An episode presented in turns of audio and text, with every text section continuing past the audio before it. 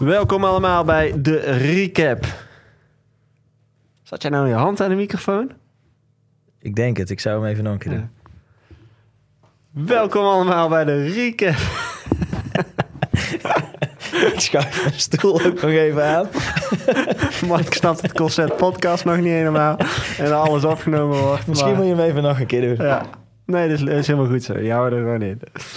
Mike, ehm, hoe is het? Inmiddels weer Ja. eh, beter. Beter, ja. Vorige week was jij KO. Ja, Aardig. heb je wel eens. Maar, Geveld eh, door, eh, was het de griep? De man flu? de man flu. Ja, ik denk het. Maar Mooi. het was in ieder geval, ja, jaarlijks, jaarlijks dingetje. Jonge kinderen, je kent het wel. Still only human, zoals Ja. je altijd zegt. Precies. Ja. Hey, ehm, ik heb vorige week met Marloes eh, de podcast opgenomen. Ja, Ik vond hem zelf heel erg leuk. ik weet niet hoe jij daarnaar gekeken hebt. eh, ik heb er vooral naar geluisterd. Oké, Ehm, dat is wel interessant. Maar eh, nee, ik vond het een hele leuke podcast. En ik had ook eigenlijk al wel gedacht dat het een hele leuke podcast ging worden. Ja. Want Marloes heeft in mijn verwachting wel een, ja, toch ook wel een beetje een uniek perspectief op de Web3-wereld eh, in Nederland. Jij behaalde ook wel echt dat je er niet bij kon zijn. Ja, eh, maar ik, eh, het was een leuke aflevering. Goed gedaan met z'n tweeën. Dankjewel. Ja. Dankjewel Marloes. Ja. En wat waren de dingen die je graag nog wou bespreken? Of dingen die je misschien miste? Of...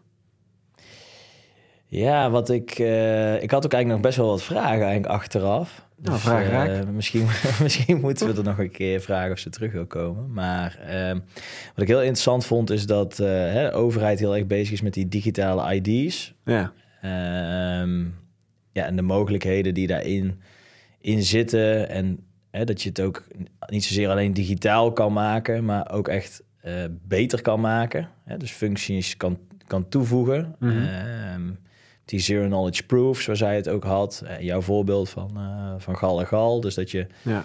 ja, een soort van informatie kan eh, tonen zonder het altijd te, te tonen. Waar ik eigenlijk vooral ook nog heel nieuwsgierig naar was, is van ja, wat voor blockchains kijkt dan de overheid naar om, om in te zetten? Gebruiken ze überhaupt blockchains daarvoor? Als in, waar wordt het op gebouwd? Ja, wat is het fundament wat eronder ligt? Want ik ken bijvoorbeeld Microsoft Ion. Mhm. Ehm, en dat is volgens mij eh, ook zo'n ja, zo'n soort eh, platform op, op Azure wat je daarvoor kan inzetten. Mhm. Ehm, maar dat praat volgens mij echt met het Bitcoin-netwerk. Dus ik was heel erg nieuwsgierig van als we straks in Europa allemaal eh, ja, zo'n eigen ID hebben. Ik, ik zie daar alle kansen en mogelijkheden van. Ik ben er ook echt van overtuigd dat er dat gaat komen. Eh, maar ik was gewoon heel nieuwsgierig naar de, de, Ja, dat is de- wel een onderliggende rails. Want zou je denken dat een overheid zou kiezen voor een bitcoin om daarop te bouwen? Ja, als je het mij vraagt, zou ik zeggen waarom ja, niet. nee, precies. Maar eh, vanuit overheidsperspectief, kijk, eh, kijk even naar een Coinbase. Ehm, die heeft ook aangekondigd dat ze zelf een, hoe noemen ze het? Volgens mij was het een, een soort second layer bovenop ETH gaan bouwen. mhm. Maar zou de overheid zou ook zoiets kunnen doen, bijvoorbeeld? Ja, ik, ik durf er ook echt niet over te Nee. speculeren. Ik kan me, ze- ik- chain, ik, kan me voorstellen dat, eh, dat het misschien een soort eh, private, eh, private public-achtige blockchain Hm. wordt. Maar Ja, dat is wel een goed punt inderdaad. Ik zou juist denken, waarom niet op, op Bitcoin? Want dan heb je meteen ook een fundament en een standaard liggen die wereldwijd misschien geaccepteerd wordt. Ja, maar is natuurlijk wel... Dan krijg je het verhaal decentraal-centraal weer. Gaat de overheid het allemaal oké vinden als ze... Bitcoin hebben ze niet in handen, als in... Er is weinig over te zeggen. Nee, dus dat is ook nog een goeie. Moeten Ja. we Mark Rutte niet eh, een beetje incentiveren om, eh, om daar... Nou ja, maar zijn wel interessante vraagstukken. Daar kunnen we denk ik Marloes echt wel een keer nog voor uitnodigen. Eh, omdat zij daar hopelijk echt wel meer over kan vertellen. Maar dat zijn wel inderdaad dingen die wij wel mee te maken, te maken gaat krijgen als je zoiets gaat bouwen.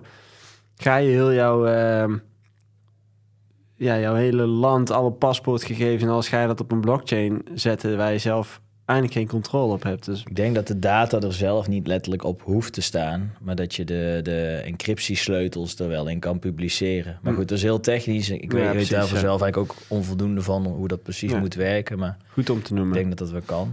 Wat nog meer? Ehm, Ja, wat we denk ik allemaal wel weten, maar wat eh Marloes ook wel weer een keer te sprake bracht, is dat je echt het verschil eigenlijk ziet tussen volwassenen eh, en kinderen, maar dat dan een dat, maar dat dan eigenlijk soort van plot op hoe werkt dat bij de overheid en hoe zie je dat nu vooral in Ja. Web3 communities. Dus hè, vo- volwassenen die, die, ja, die zijn misschien gewoon wat meer verhard, afgestompt door de ervaring in het leven. En daardoor denken ze wat meer in, in, in goed of niet goed. Eh, Ja, dus in kaders vooral. Oordelen wat sneller, eh, gekaderd. Terwijl als je naar Web3 bedrijven en, en de communities daaromheen kijkt. Ja, dan zie je heel erg toch een, een andere werkwijze van, van gewoon proberen, beginnen, vallen en opstaan. ehm, eh, nieuwsgierig, eh, veel openere mindset, eh, feedback loops inbouwen. Dus ja, is gewoon snel falen, daarvan leren en door. En ehm, ja, dat staat denk ik haaks op overheid. Hè? Dus ehm, daarin, daarin kan dat misschien ook soms botsen. Ehm, wat ik ook interessant vond, is dat ja, Marloes die doet dit echt al heel lang. Hè? Elf jaar of zo, hè? of twaalf jaar. Ja, volgens mij zelfs al langer. Begonnen met Twitterles. Ja, Ja, hoe mooi. ja eh, daarom. eh, Volgens mij is, is Twitter is iets van elf jaar oud of zo. Maar... Ehm, maar dat zij ook wel zegt van dat je het vakgebied een soort van ziet verschuiven van blockchains naar decentrale technologie. En ja, nu komt er ook al steeds meer eh, eh, wiskundige kant bij met die zero knowledge proofs. En Mm. Je hebt natuurlijk AI op de deur, eh, voor de deur staan. Ja. Eh, of eigenlijk door de deur walsend komen. Ja. Hè, dus eh, dat je ook ziet van dat Web3 misschien een beetje ook een paraplu-begrip wordt waar alles onder valt. En voorheen had je misschien eerder, ja, als je iets blockchain noemde, dan haakten mensen af, want die dachten, nee, ik, ik doe iets met AI of ik doe iets. Ja. Dus het komt allemaal nu langzaam, maar zeker steeds meer samen. Eh, en ook de ontwikkeling, zeg maar hiervoor, die jaren hiervoor, was ook veel, denk ik, technischer van aard. Terwijl die NFT-hype-cycle van de laatste twee jaar heeft gewoon ook heel veel creatives en, en Ja. hè, creatieve en strategen aan boord gebracht. Waardoor je nu ook een beetje uit die techniek komt en ook echt concepten kan gaan vormgeven en over andere businessmodellen kan gaan nadenken. En dat het in het echte leven gebruikt gaat Eh, worden. Ja, en dus ook eh, eruit ziet alsof je het ook in het echte leven wil Ja. gebruiken. In plaats van alleen eh, hele platte Ja, proof of Dat vond ik wel mooi inderdaad. En hoe zij het volgens mij ook gewoon zei van... eh, ik heb al die jaren steeds op één specifiek onderdeel gefocust. Hè. Dan was het inderdaad de social media, toen kwam blockchain, toen dit, toen dat. En dat ze nu ook het gevoel had van... nu lijkt het allemaal een beetje naar elkaar toe te groeien. Mhm. En dat noemen we dan maar Web3. Ja. Ehm ik kwam mooi hoe ze dat omschreef. Zeker.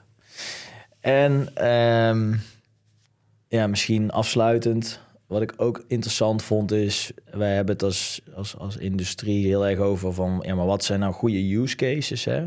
Eh, die er tal van zijn op het gebied van, van loyalty of, of governance... of eh, de cultuurkant of Mhm. nou, noem maar op. Maar zij benoemde eigenlijk wel twee use cases waarin, ja, je, denk ik in meer de creatieve hoek van Web3-land eh, veel minder over hoort, maar waar dus de overheid dus wel eh, duidelijk veel meer naar kijkt, is hè, hoe kunnen we nou in een, in een wereld waarin steeds meer synthetische media is, hè, zij, volgens mij hadden die het over de 90% van alle media zo'n Ja, beetje binnen nu en een aantal jaren inderdaad Ja. gemanipuleerd is, bewerkt is. Dat is nu natuurlijk ook al deels zo in de vorm van, van Photoshop of zo. Maar dat het alleen maar meer en meer en meer wordt, omdat je ja, met AI misschien eh deepfake gerenderde video's krijgt. En dat dus de overheden dus echt use cases zien eh, door middel van blockchain technologie en wallets. En dat je dus, ja, ik noem maar wat als Mark Rutte een speech houdt aan het volk. Dat dat ook verzonden wordt vanuit de wallet van Mark Rutte of vanuit het, de wallet van het ministerie. En dat daar dus ook een soort verified-achtig Ja. vinkje op zit. Zodat de burgers in een wereld waarin je misschien alles een soort van in twijfel moet trekken wat je ziet, dat je er toch vanuit kan gaan dat dat soort dingen eh, kloppen. Dus, dus, dus dat één. En twee, ehm, en dat zit weer in het eh, decentraal ehm, organiseren van, van eh, structuren, van stichtingen, van Mhm. initiatieven. Ja, dat zij ook wel zegt van ja, eh, DAO's, hè, eh, gedecentraliseerde autonome organisaties. Ja, is dat straks een bedrijfsvorm? Gaat de KVK daarmee aan de slag? Ja, dat zou kunnen, waarschijnlijk ja, maar puur overheid kijkend, als je kijkt binnen het hele sociale domein, thema's als burgerparticipatie, ja, dat kan je hier heel goed mee, mee Ja. regelen. Dat, dat, dat is denk ik precies in de kern van wat je wil bereiken met burgerparticipatie, is dat dat je met elkaar dit soort besluiten gaat nemen. Ja. Eh, en ik denk heel goed dat ze daar dus in eh, naar Zeker. kijken. Dus eh, ik vond het echt mega interessant. Eens. En ik denk dat we er nog een keer uit moeten nodigen, want er zijn echt nog genoeg open eindjes. En over een tijd zal ze ook wel weer wat updates hebben, dus dat gaan we zeker proberen. Dat was hem dan voor deze keer. Of heb je nog punten die we aanstippen? Ehm, ja, twee. Eén is, volgende week hebben we volgens mij Bert Slachter in de show. Klopt. Ehm, dus hem zouden we misschien de, de Bitcoin-vraag ook wel kunnen stellen. Die zou misschien ook de overheid. Misschien Ja. dat hij daar iets van, eh, van weet. Eh, ja, en jij bent altijd eh likejes aan het eh, chillen voor de podcast. Maar Ja. ik heb er nu misschien ook nog één. Heb jij wat te chillen, Mike? Ja. Nee, High Five. eh, dus het, eh, het Web3 agency waar ik voor werk. Wij zijn genomineerd voor een, eh, voor een award. nou, gefeliciteerd. Dankjewel. welke, welke award? Het is de, de San New Kid on the Block Award. Dat is een, een hele prestigieuze prijs. die onder andere wordt uitgereikt door Fonk Magazine. Mhm. En ja, zoals dat heel vaak gaat met dit soort dingen, is het is ook wel de eerste rondes gaat altijd een beetje over stemmen. Zieltjes winnen. zieltjes winnen via Ja. stemmen. Dus, Dus vind je deze podcast leuk en vind je Web3 leuk en vind je ons leuk, dan eh, ga naar fonkmagazine.nl. En ja, dan vind je eigenlijk eh, op mobiel bovenaan en op desktop in de rechterkolom. Dan vind je deze week. Dat kan tot eh, vrijdag. eh, welke datum is het dan? Dat is 5 maart of eh, zo, 6 twee- maart. Is dat volgende week dan? nee, deze week. Ja, dan is het 2, maar 3, 3 maart. Ja, eh, tot 3 maart dan kun je dus stemmen. Dus doe dat. En eh, je moet stemmen. Moet, mag, moet. Eh, Ik zal de link in de show notes Ja, zetten. op, mensen klikken. high five. En dan danken we jullie eh, hartelijk. Nou. En dan kunnen we deze show nog langer maken. Helemaal mooi. Dan ga ik ook nog even chillen. Als in, vergeet deze podcast niet te raten in je favoriete podcast-app. Als jij een trouwe luisteraar bent en elke week weer, ja, toch weer een stukje wijzer wordt over de Web3-wereld eh, door onze gesprekken. Zou ons enorm helpen. Hartstikke bedankt weer voor het luisteren. En ehm, ja, tot de volgende keer. Tot de volgende keer. Groetjes.